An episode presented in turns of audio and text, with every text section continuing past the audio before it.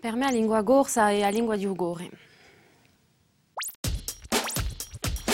Che avete imparato a fare la corsa?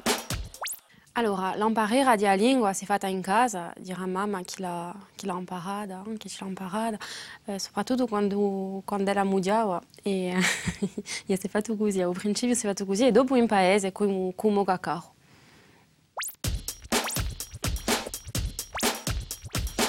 Quando la dublate a lingua corsa? E io provo a più, più possibile, ma vero che si può mica sempre va, allora in casa con l'amico, non trovare dei sociali di noi e poi anche per il lavoro perché faccio l'inventario patrimonio e invece ci parlano sempre in corso conoscere un nome di luoghi, si, si, si conoscono in corso, mica in francese, eh? i biani, a.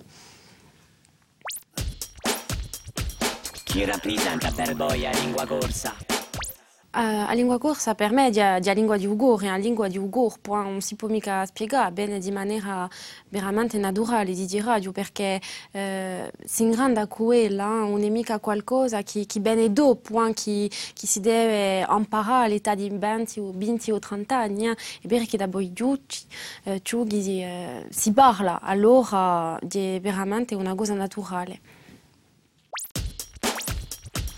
Come dite la bene di la lingua corsa?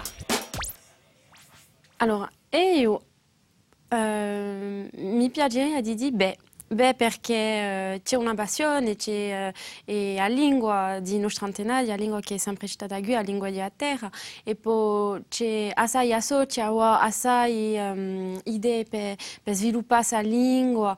Eh, no, beh, di dire beh, beh, perché deve essere eh, trasmesso e io voglio fare forse con un giorno sarà di mamma e voglio che mi dite più tardi in corso.